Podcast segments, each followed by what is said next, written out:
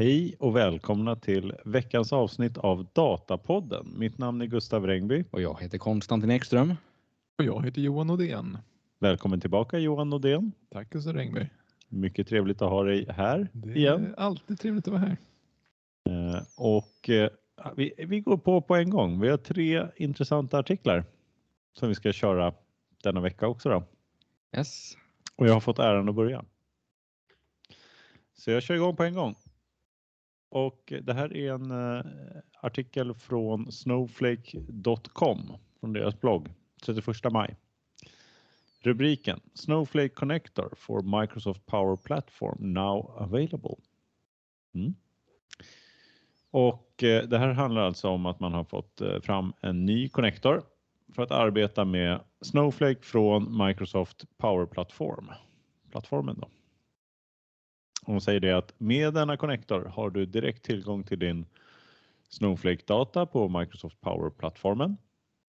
För att alltså kunna bygga low code, no code arbetsflöden utan programmering.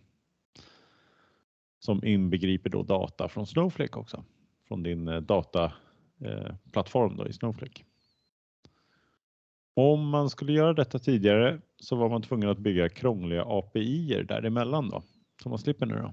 Nu är det en färdig connector, man bara klickar. Vi har ett citat här också. Denna integration är ett direkt resultat av en stark efterfrågan från kunder som vill ha hjälp att utnyttja Snowflakes datatjänster till hela organisationen genom Microsofts low code erbjudanden, säger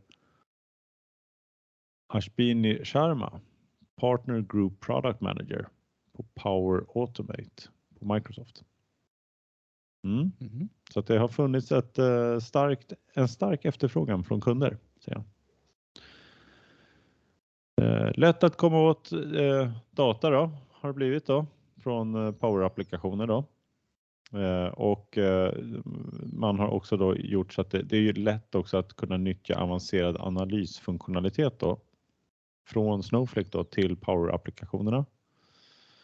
Man kan också nyttja det här då för att Eh, bygga automatiseringsflöden då, som kan triggas igång, triggas igång utifrån data och händelser från Snowflake. Och säkerhet då. Connectorn gör ju att man kommer kunna göra det här liksom säkrare framöver. Då. För att kunna göra det här då, behöver man vara admin i Power-plattformen så tar man och installerar då en, eh, liksom en connector mellan Snowflake och eh, sin Snowflake-instans och sin Power Power-miljö då. Eh, Och eh, när man har gjort det då så kan man köra det här om man då också har, man måste ha en premium Power Platform licens av något slag. Så det är väl glada nyheter. Mm. Och jag vet ett annat användningsområde. Mm. Eh, skicka e-mail Ja, och posta meddelanden på Teams. Eh, för kör man AVS på Snowflake, då kan man skicka e-mail direkt. Men kör man det på AVS idag i alla fall så kan man inte göra det. Det är faktiskt något som är väldigt användbart att man antingen triggar igång så att det skickar ett, ett, meddelande då när, när eh, om flödet smäller. mm. Eller om man har till exempel en em, valideringspipeline, att man gör liksom lite tester som del av sitt flöde. Så kan man ju vilja skicka vidare den outputen att nu har vi fått em, ja, färre filer än vi brukar få eller att man har en annan typ av validering som, där man vill få respons på att det, man bör titta på. Så liksom för ens, eh, vi kan automatisera en hel del för ens egna då dataplattformshantering kan man säga. Exakt. Ja, det är ju Men- väldigt trevligt. Men tänker du att du ska använda Power-plattformen för orkestrering då? Nej, utan för att skicka notifikationer. Ja, men den här integrationen är åt andra hållet. De skickar Så- väl, använder väl data från Snowflake och sen ut. Så du skickar en event i Snowflake och så kan du plocka upp den eventen i, i Power-plattformen och skicka ett e-mail eller skicka en Teams. eh, Ja, men connectorn här är väl att du ska från Power-plattformen kunna liksom ställa frågor mot ditt Snowflake-data. Ja, precis. Ja. Precis, det stämmer. Så jag ser inte riktigt det där caset Konstantin. Är, det vadå- är liksom en e- one way street från Power-plattformen till Snowflake. Men du kan väl plocka upp data? Ja, Ja, de säger ju här Att, att, du kan, att Snowflake kan skicka events Okej. och att du plockar upp det. Ja, Det, det kanske är så att eh, vi, vi får kolla lite i detaljerna här. Om, Ja, eh, man blir nyfiken. ja, För, de säger det här i alla fall. Mm. Att eh, nyttja och bygga automatiska flöden som kan triggas utifrån data och händelser från Snowflake. ja. Det borde ju gå på något sätt i alla fall att kunna Mm. skicka trig- triggers. Ja, liksom. precis. Men eh, ja, Johan är eh, Skeptisk. skeptisk. Nej, det här är ju superbra, eh, antar jag. Alltså det är väl, eh, ja, men eh, jag vet inte, det är, när vi pratar Power-plattformen, det var ju Mm. inte Power BI. Nej, det här är inte Det här, Power är- BI. utan det här är liksom om man ska göra automatiseringar Ja. i eh, liksom resten av Power-plattformen. Ja, alltså det, eh, det här, jag kollade upp här, vad är det för någonting som ingår i Power-plattformen då, enligt Mm. Microsoft? Du har ju först Power BI och det är väl den vanliga som man jobbar med i, i en analysplattform. Och där har Alltså- det funnits konnektorer tidigare. Så man kan, Där har det liksom- funnits. Mm. Det här är till eh, resten då, misstänker jag. Men där inne så finns det Power Apps som man kan bygga enklare applikationer. Low code, no code. Du har Power Pages också. Du kan bygga hemsidor. Eh, Du har Power Automate som är också den här eh, som eh, den här Sharma då som uttryckligen citeras här i, i den här bloggartikeln. Mm. Det är alltså delen där man kan bygga automatiserade arbetsflöden, Mm. alltså inom det här RPA-området. Det är väl kanske där som är, verkar vara fokus här då eftersom det är den Mm. som uttalar sig också för Microsoft. Och så har du Power Virtual Agent också där man ska kunna bygga då en virtuell agent för specifika arbetsflöden och få en, sin egen lilla chatbot som kan hjälpa en. Mm. Ja. Men nyheten är från Snowflakes blogg. Det är från Men, Snowflakes blogg. men den här komponenten, är det Snowflake eller Microsoft som har byggt den? En Vem, vem är det som vill eh, liksom koppla ihop sig med den andra? Kanske joint venture. Jag Ja. vet inte. Nej. De, de verkar i alla fall vara båda med på det. Säga. Det var ju tråkigt annars om inte. Jo, men jag tänker så här, det är ändå så här, de är ändå konkurrenter på nivån eh, under. Alltså Ja. när det kommer till att bygga själva analy- eh, dataplattformen. Mm. Och det här gör ju då att du kan eh, använda Snowflake och även använda vissa verktyg från Microsoft mera. Mm. Så de eh, sitter ihop med. Ja, jag vet inte hur det är med alla connectors från Power BI heller. Det måste väl vara att varje leverantör ändå skapar sin egen connector. Mm. Jag tror Ja, inte Microsoft bor- orkar nog inte bygga allting eller? Nej, men det är väl Kanske samma sak från Snowflake. Ska Ja, nej, men jag tänkte Alltså- att Snowflake borde väl vara de som är mest intresserade här, Mm. antar jag. Fast eh, jag vet inte. Nej. Uh, nej, du, du ställer så svåra frågor Nej, men det, idag, jag Johan. tycker det, det behöver inte svara. Nej. Det här är en podd Gustav. Det är liksom Ja. ingen eh, Nej, ja. sån. eh, Utfrågningar. Utfrågning. Kongressutfrågning. Ja, det Ja, kanske det. vi skulle ha någon annan gång. Men eh, eh, betyder det här att man kan använda eh, Power-plattformen som, som orkestrerar då för sin Snowflake-lösning? Jag vet inte om det är en så bra idé, men det går säkert att göra det. Ja.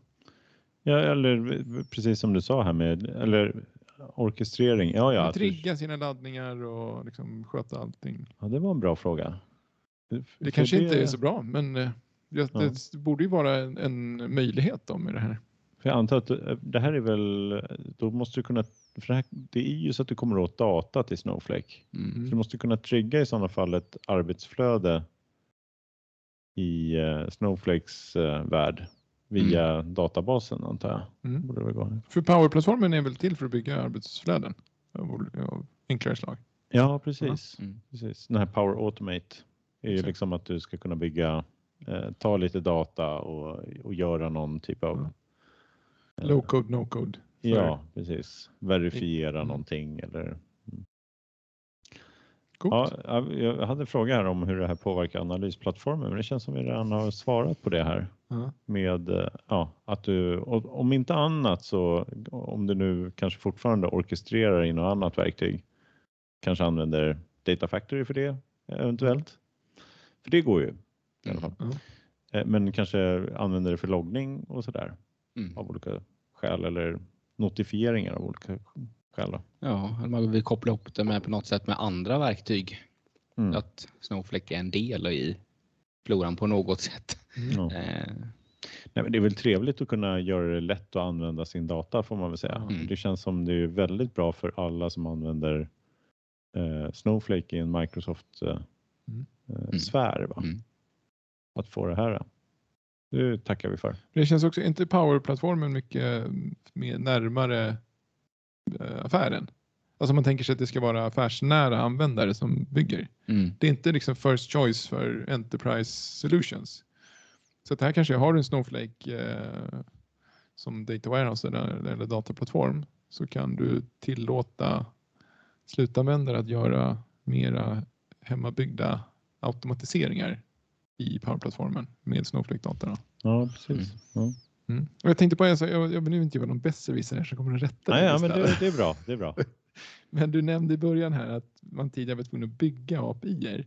Ja, Men det handlar ju mer om att du behöver integrera mot Snowflakes API-er tidigare. ja. ja. Alltså Mm. nu, nu slipper du liksom joxa med API endpoints utan Ja. du kan bara köra den här. ja, men det är bra att du rättar här. Att det blir rätt.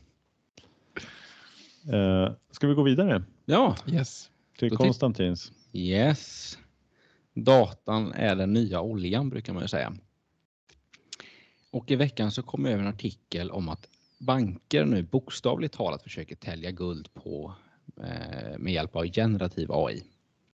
Banksektorn är ju såklart inte unik med att eh, testa ChatGPT både för att skapa kod och besvara finansiella rådgivares frågor. Men nu så tar investmentbanken JP Morgan det hela ett steg längre eller till och med några steg längre. Eh, det var väl nästan en tidsfråga innan det här skulle hända. Eh, för det är nämligen så att de håller på att utveckla en egen programvara liknande ChatGPT för att välja investeringar åt sina kunder.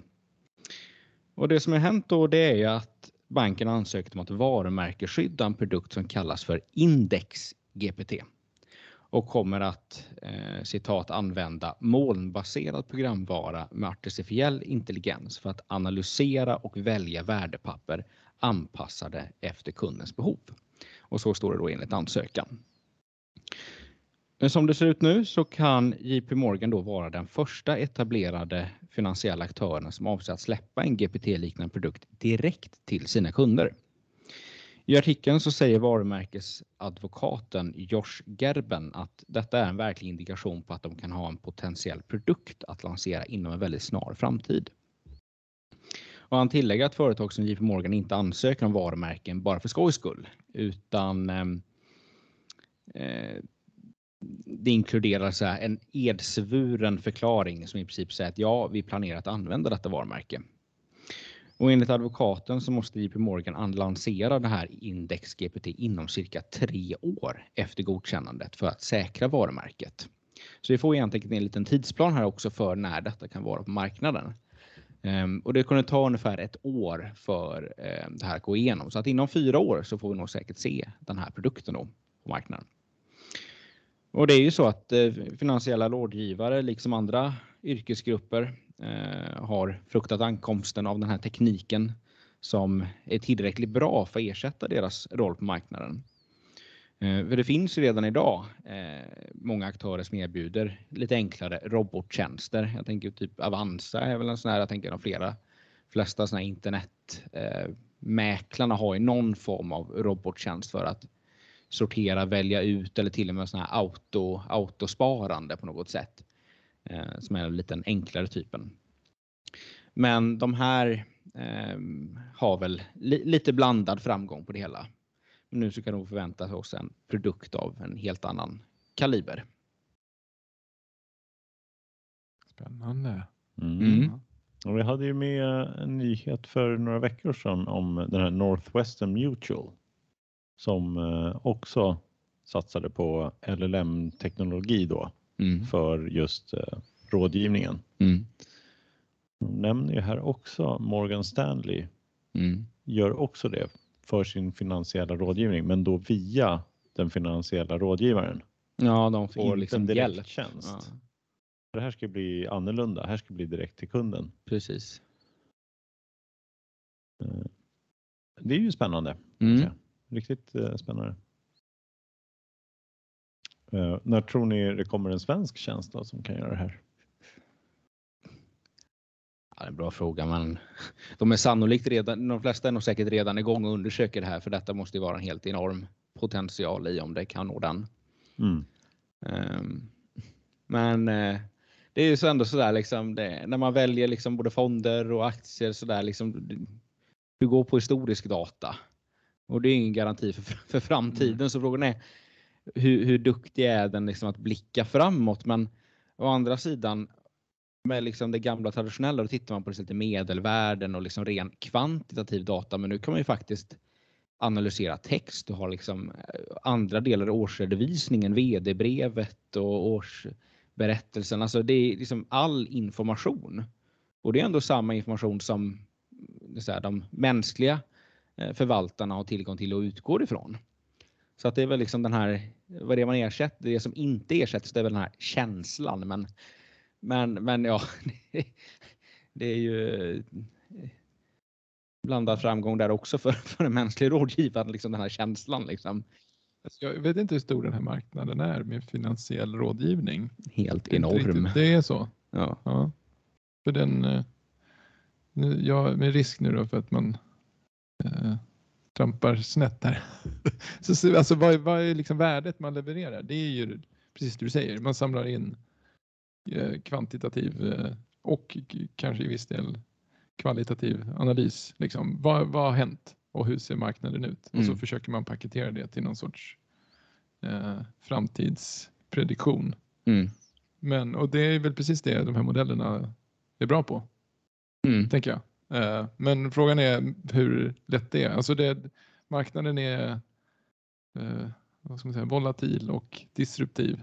Mm. Så det är jättesvårt att förutse. Så länge den liksom går på samma spår så kommer det ju funka. Mm. Men rätt vad det så händer det en pandemi eller en mm. kris mm. eller någonting ja, som precis. ingen såg fast den ändå fanns där. Mm. Eh, och så, då, kommer ju, då kommer ju modellen göra samma misstag som människan.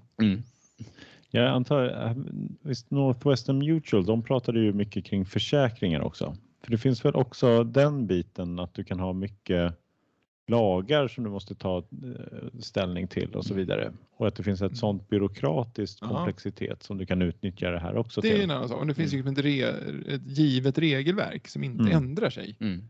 Då känns det som att den kommer vara jättebra på det. Mm. Ja. Om reglerna är, vet, om man vet att de är samma imorgon som de är idag. Mm. Då kan man ju ge bra råd.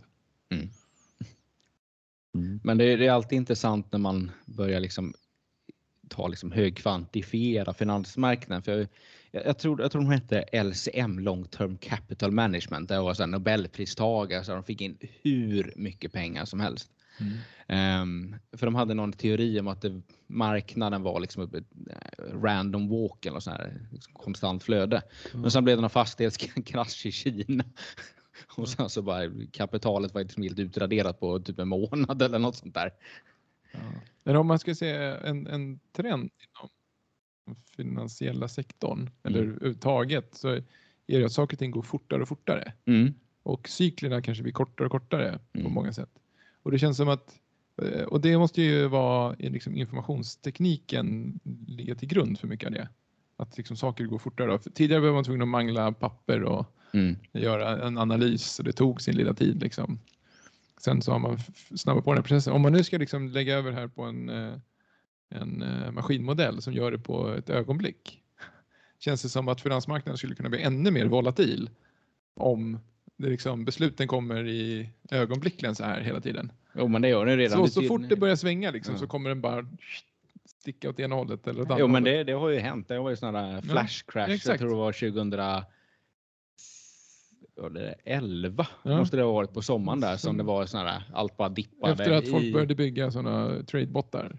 Ja men så- precis. De la upp där mocklen bara ja. följde efter varandra liksom. Precis. Och det här skulle ju kunna liksom vara ytterligare ett sånt steg i den riktningen. Att, Ja, jag vet inte men detta är ju liksom till du matar in lite parametrar och så kanske du väljer liksom jag vill ha placering på fem år. Mm. Och då plockar den ut, men det här är en vettig portfölj att ha i fem år. mm. Eh, Så den, den skulle så jag tänker inte att det är så- liksom automathandel eh, på det sättet utan att Nej. man plockar fram åt. Nej precis och det, det här kan väl vara lite grann att bara gå igenom för att eh, de har väl liksom att de tillverkar en massa sådana här eh, rapporter själva också. Mm. Hur de ska hantera olika aktier och vad är våra liksom hur ser vi på den här aktien? Mm. Och då kan ju den här chattbotten gå igenom de liksom interna dokumenten också. Så de, in, de tillför ju någonting också på liksom eh, eh, JP Morgan, Mm. en massa analytiker som sitter och skriver. Mm. Och så istället för att eh, rådgivarna ska sitta och läsa det där och sen berätta för kunden Mm. så kommer det direkt. Så det, inte, det måste inte vara så att de besluten är direkt tagna av, av modellen utan den söker eh, svaren Mm. i någon stor databas då. Eh, Nej. Men nu, man får väl säga att vi sitter och spekulerar här i Det någonting som bara är en varumärkes eh, patent pending. Ja. ja, det är spännande att se. Yes. Ja. Mm. Men Har det här någon betydelse för analysplattformar i, liksom, i närtid? Eller? Nej. Det, det är en tillämpning egentligen av- av, vi ser en tillämpning på LLM-modellen. Ja. Mm. Jag Som- ser ingenting i alla fall. Nej. Men men man kanske kan hitta andra liknande tillämpningar också utifrån det.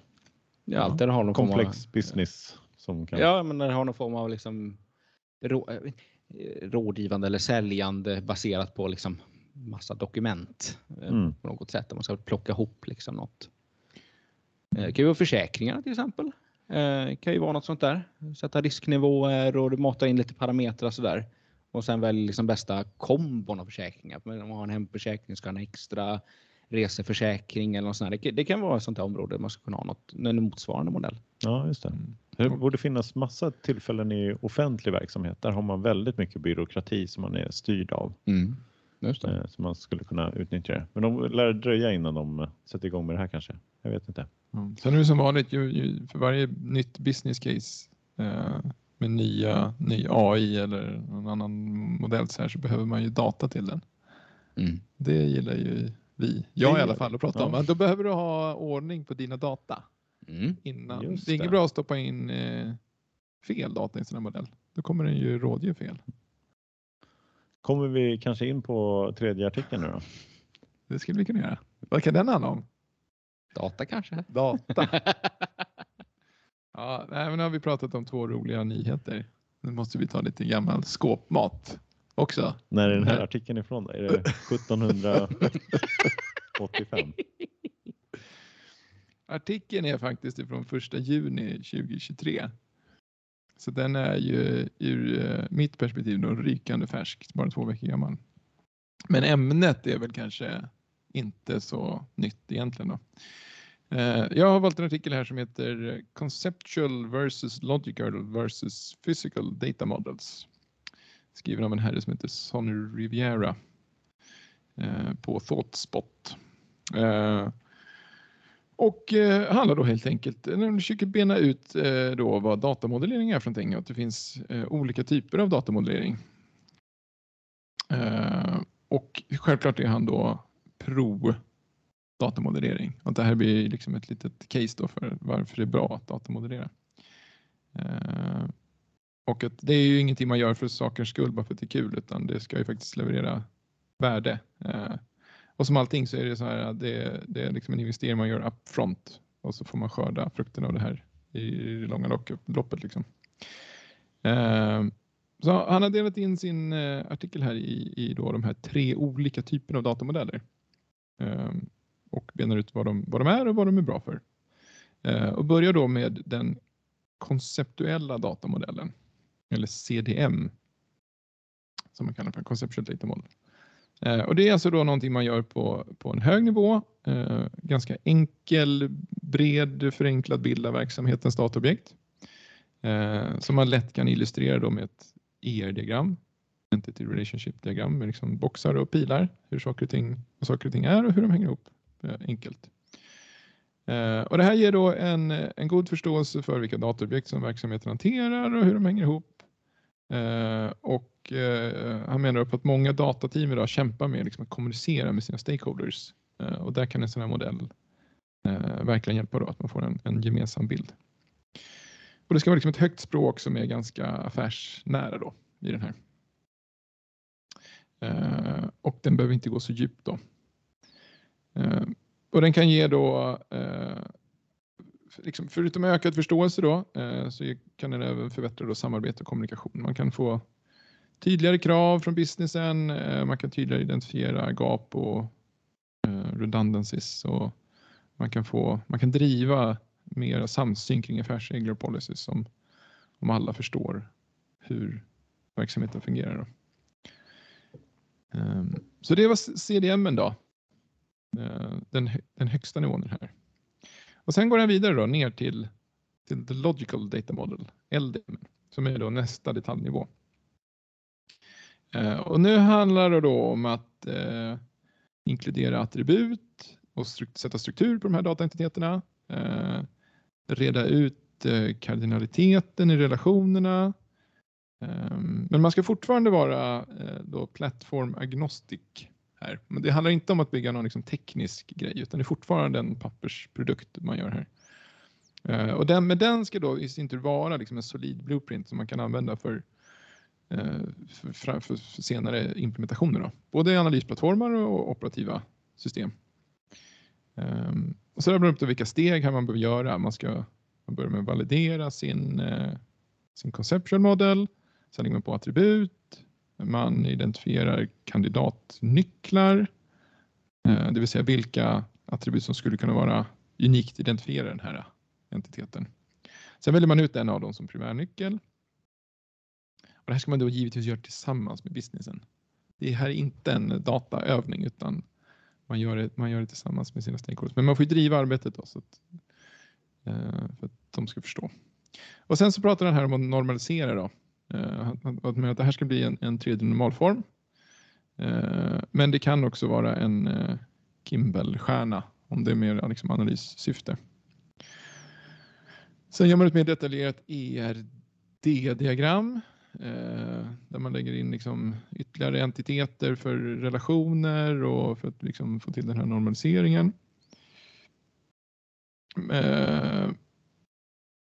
Och ja, man fortsätter här, definiera relationer, kardinalitet.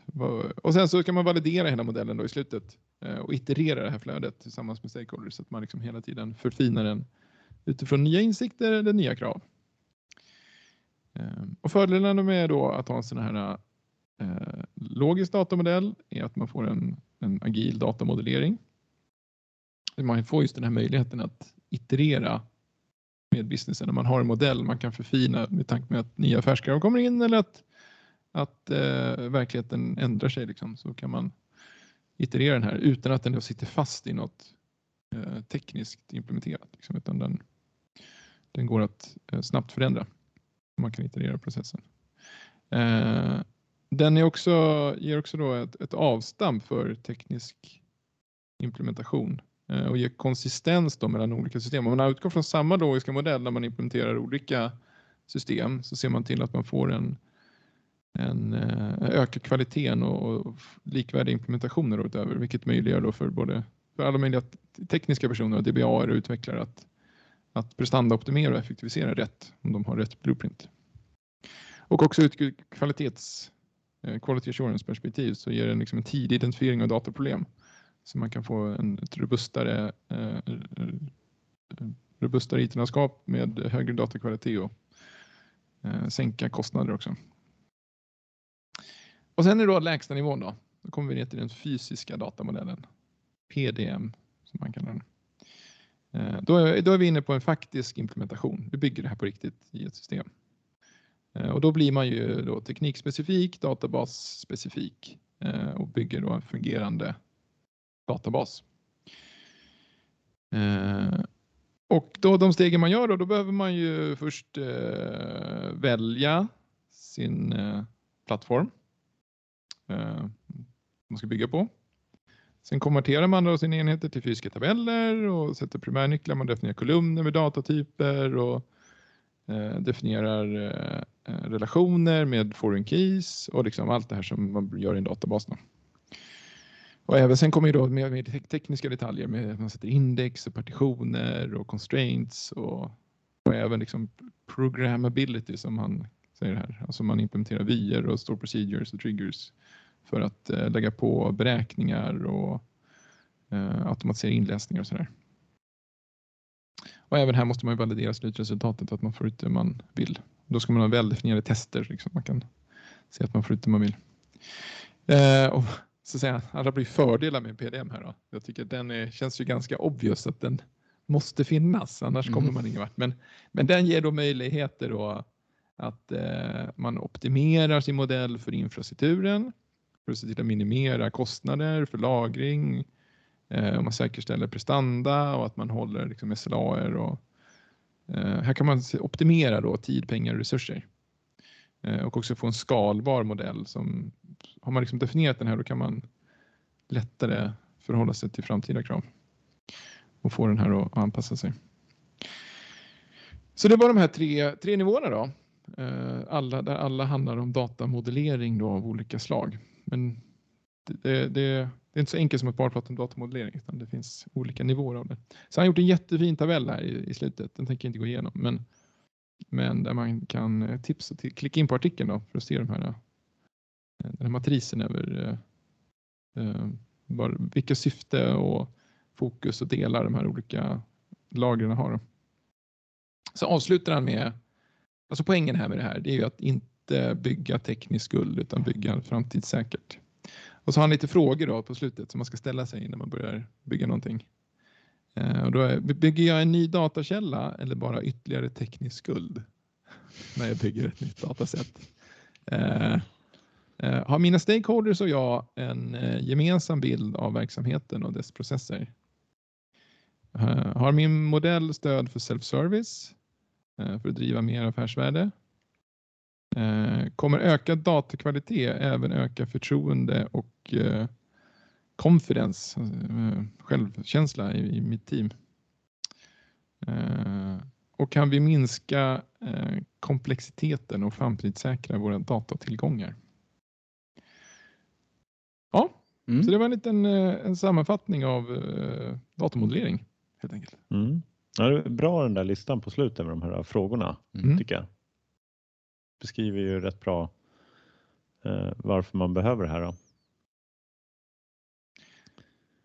Är, är ni bekanta med de här eh, benämningarna av de här datamodellerna? Vilka Konce- tänker du? konceptuell, logisk och fysisk. Ja, men jag Är det skulle, så vi pratar om? När, ni, när man pratar datamodellering ute i verkligheten, pratar ni om de här? Ja, det är absolut. Ja. Får jag nog säga, men eh, det är lite grann så här, den logiska och den fysiska, den liksom går ihop kanske lite granna. Mm. Alltså vad, för den konceptuella den och de andra bitarna, eller de andra två, de är ju liksom ganska klara vad som skillnaden är och hur man arbetar med det. Men man kanske liksom hoppar över den här logiska och går liksom direkt från konceptuella till den fysiska. Mm. För att man, men det var här exempel med eh, hotell has rooms. Mm. Bra, då tittar vi liksom, okej, var hittar vi hotell och var hittar vi rum? Bra, vad är primärnyckeln här? Hur länkar de tillsammans? Är det unikt? Nej, det är det inte. Vi måste Mm. göra på ett annat sätt. Eh, Mm, ja, jag håller med. Det, det blir liksom den här, uh, ofta så har man redan valt det tekniska ändå. Men Mm. det konceptuella den fyller ju en väldigt viktig funktion. Att du ska kunna prata om datat med eh, liksom verksamheten. Jag menar, det är nästan lika mycket hur fungerar affärsprocessen? Mm. Alltså, först händer det här, sen händer det här. När detta har hänt då får man en stämpel och då är det OK och då ska den här Precis. statusen sättas. Får en kund eh, finnas i systemet som inte har köpt några varor? Mm. Får en vara eller köp vara på flera kunder? Eller måste det bara vara en? Och alla sådana där frågor ju, Mm. behöver man ju tydliggöra. Mm. Och sen kan det vara, det här kräver ju att man har ett liksom, holistiskt perspektiv.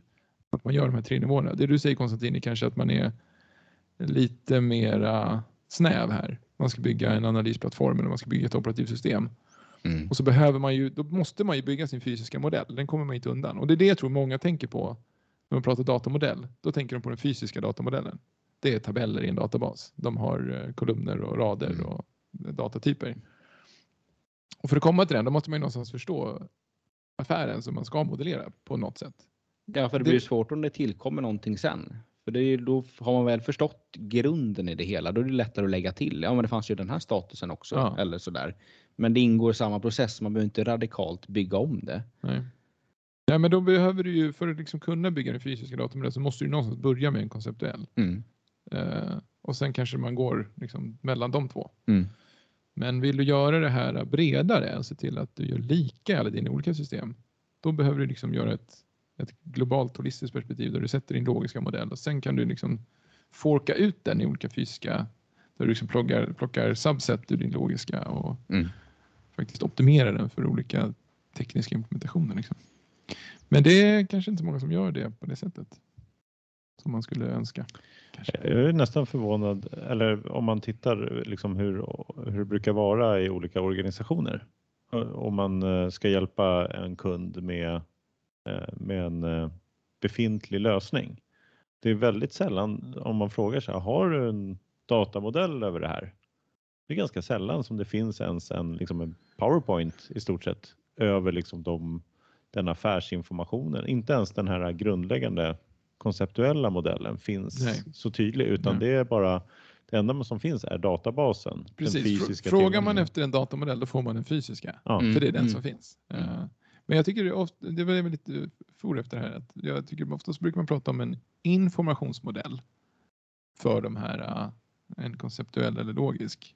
Eh, Och inte prata om datamodell utan prata om informationsmodell eller kanske en begreppsmodell eller en jag själv brukar prata om en business glossary Mm. Mm. eh, för de här, den här konceptuella modellen. För att inte för att liksom avskräcka lite business stakeholders här att det inte handlar om datamodellering utan det här handlar om att definiera affärsbegrepp. Liksom. Så jag tycker man kan kalla det för lite olika saker. Det behöver inte vara en... För oftast då, det, när man pratar med, om datamodell, då är det med tekniska människor som tänker på den fysiska datamodellen. Mm.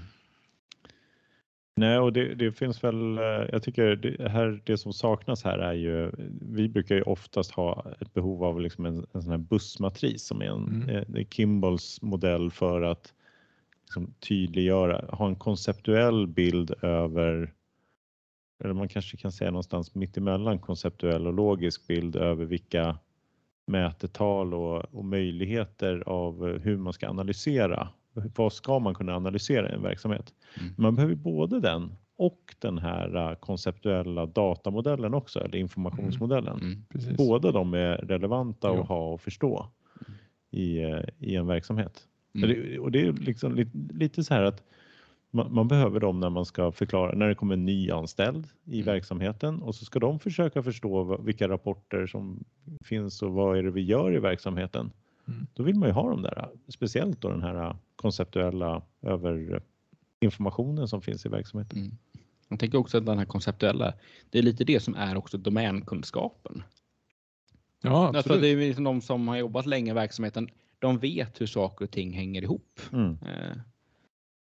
Eh, som kanske inte alltid är nedtecknad utan det är någon som vet om och sen som har varit på ett ställe ett tag, men då har man liksom fått in den i huvudet. Eh, men det är viktigt att liksom skriva ner den. Det Ja, behöver ju inte vara mer avancerat än när man drar lite boxar i en powerpoint eh, alla gånger, utan det kan vara liksom en god Mm. grund till det hela. Men man måste ju också ha, organisera sig kring det här och ha någon, något sorts centralt ägarskap av den här modellen. Mm. Även om man gör den enkel så måste det finnas någon eh, som eh, underhåller den. Och som äger Ja, det kan ju bli förändringar i den också. Precis. Det Då måste, det ju kan, kan. kan kanske vara ett, kanske var ett svagt, svagt ord. Ja, om det inte blir det, då har man nog en business som man får se över tror jag. Han, säger, han säger det här, pay me now or pay me ten times later. Ja. Att det finns en kostnad i att eh, om man inte har gjort det här på ett bra sätt. Mm. Men hur ska man räkna på eh, de här, liksom, att man ska utnyttja den här best practice? Finns det något bra sätt att räkna på det? Eller är det bara våran eh, intuitiva erfarenhet som säger det här? Nej, Men jag tror man får räkna på det i... Jag tror oftast är man liksom fokuserad på att räkna på business case och liksom return of investment. Man vill se liksom, vad, vad får jag för värde om jag gör den här grejen och allting är Mm. liksom framdrivet. Mm. Eh, Jag tror att det, det, den eh, sättet man får prata om det här är snarare om så här. eh, Det här är en hygienfaktor. Vad får det för kostnad om jag inte gör det? Mm. Det är han inne på också. Prata om teknisk skuld snarare än värde. Mm. Att säga, okej, jag kan göra det här, men vad kommer det? Vad kommer det få för konsekvenser imorgon att inte göra det? Liksom? Så det är snarare så att man istället för att bygga upp någonting så bygger man ner någonting genom att inte göra det så. Mm. Eh, det är som att eh, bryta mot eh, compliance-krav. Vad får det för konsekvenser om jag inte följer den här regeln? Mm. Ja, det kommer få eh, vite eller det kommer, det kommer saker, folk kommer göra sig illa Mm. eh, om jag inte följer de här reglerna. Men jag får inget värde av att göra dem. Mm. Utan det är snarare så att jag min- minimerar risker. Med, det. jag tycker det är samma sak med den här. Mm. Det är någonting man behöver som en plattform att stå på och gör jag inte den då är det risk att jag ramlar igenom. Liksom. Och det kommer bli dyrt. Är, är det lättare att eh, skippa de här eh, liksom, informationsmodelleringen med de nya liksom, data lakesen? Om man jämför med de gamla databaserna, där var ju allting väldigt spesat i tabeller och kolumner och sådär. Ja. Det är lite lättare kanske med filer och bara dra in grejer. Så har det väl varit. Mm. Alltså förr i tiden var man tekniskt tvungen när man hade schema on write. Då var man tvungen att definiera upp sin modell innan man kunde ladda in data. Nu med, eller nu, men med det skiftet som var för tio år sedan, om man kunde liksom schema on read, då kunde vi bara lasta in och sen får man ta det här problemet sen. Ja, det är därför lite grann så här datamodellering kommer upp igen som något Ja. nytt. Så, uh, nu är det, är det datamodellering, det är det- nya hippa. Nej. Ja, nej. Och det är ju för att man har kunnat göra så, eh, som du säger Gustav. Alltså Ja. man har kunnat ladda in data utan eh, någon tanke. Så vi skulle inte behövt den här artikeln om det inte vore för att det har blivit eh, liksom ändå för enkelt här. Och, Det är data lakesens fel. ja. Ta bort dem så kommer vi Så går tillbaka till en vanlig SQL-databas som Prem så Mm. kommer allt funka bättre. Mm. Ja, med de orden så. Nej, Det var bättre inte. förr. Det var inte bättre förr. Mm.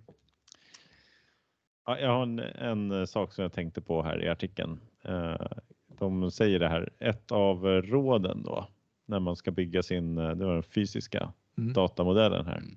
så säger de använd dig av principen keep it simple, smarty. KISS. det, Kiss. Den gamla. Har ni hört talas om? Jajamän, den fick jag lära mig på universitetet. Men nu, då blev jag lite brydd här när jag såg det. Att de sa keep it simple smarty. Det ska ju vara keep it simple, stupid. Eller hur? Ja. Eh, så jag, var tvungen att bara kolla upp här om ni nu har glömt bort det här. Men Ki- KISS principle den är keep it simple stupid. Och det kommer från Kelly Johnson som var lead engineer på Lockheed Skunk Works och byggde en massa eh, flygmaskiner. Bland annat U2 och SR-71 Ba- Blackbird Spy Planes. Ja, Det är som Lockheed Martin idag. Då. Ja, Mm. jag antar det. Eh, och eh, de säger det här, det- är liksom principen som exemplifieras av en, av en berättelse här om Johnson då. Som, eh, han hanterar sitt designteam med ingenjörer. Och han säger åt dem då att de måste bygga, de måste bygga de får liksom, det- är de här eh, verktygen. Ni får bara ett, en handfull verktyg som ni ska eh, laga eller liksom bygga maskinen av. Eh, för att den får liksom inte få, den, den här flygmaskinen får inte vara designad för komplext. För då blir den omöjlig att reparera av en medelmåttig mekaniker Medelmåtta. Under liksom då eh, krigsförhållanden. Mm. Eh, Och då, därför liksom var det en väldigt viktig del då av vad han gav som order då till sina ingenjörer. Ja, det ska liksom gå, allting ska gå att lösa med de här eh, handfull eh, verktygen, inte liksom eh, allting. Eh, så, så, så det var liksom hans, eh, hans tanke med den här Keep it simple stupid. Då. Mm. Ja, den, eh, jag känner väl till den där. Jag Mm. inpläntade den som sagt eh, i, under min utbildning. Men då, eh, jag läste inte den. Alltså jag, det bara flög förbi. Jag tänkte, jag noterade inte ens att det stod smarty. Jag läste stupid när jag Ja, du läste gjorde det? artikeln. Ja. Ja. Men det är väl en bra princip, tycker jag, i, som liksom arkitektur guideline när man bygger ett, ett system. Det är väl, jag tycker den är fullt sund fortfarande och tills vidare. Mm. Mm. Att, så här, äh, att bygga en för komplex, komplext system. För det här, den här, det här rådet kommer man ju in på när vi pratar då eh, liksom, att tweaka sitt system. Lägga på indexar och Just det. eh, constraints. Och så, här som, när man bygger den, den, det programmatiska. Mm. Krångla inte till det där med massa olika verktyg och grunker. För det blir bara svårt att förstå och underhålla. Mm. Börja enkelt och lägg på det du behöver och använd en enkel eh, produktportfölj. Just det. Det ska vara enkelt att använda, annars Ja. går underhållskostnaderna också upp. Ja, och risken är att det spårar iväg och ingen fattar det, hur det funkar. Mm. Då kommer det inte hjälpa någon. Behövs inte, det ska inte vara en eh, doktorsgrad för att förstå hur man eh, bygger systemet. Så Nej. att säga. Det, då blir det Eller väldigt underhålla. svårt att underhålla. Mm. Om man behöver ett gäng doktorer. Mm. De kommer dessutom bara vilja bygga, inte underhålla. Nej, just det. Då Ja. har du Så då har du ett dubbelt problem. Ja. Om, man inte anställer, om man inte anställer en kirurg eller något sånt. Ja. Det var kanske får avsluta då. Ja. i Dagens Keep- avsnitt. Keep it simple, stupid. Precis. Stupid ska det vara, Ja. inte smarty. Eh, Tydligen så finns det en upprad av liksom eh, andra ord som folk har använt för att de tycker att stupid är lite hårt. Men eh, Vi, vi tycker att det är fullt det är helt okej. PK. Mm. Tack för idag. Tack så mycket. Tack, tack. Hej då. Hej då.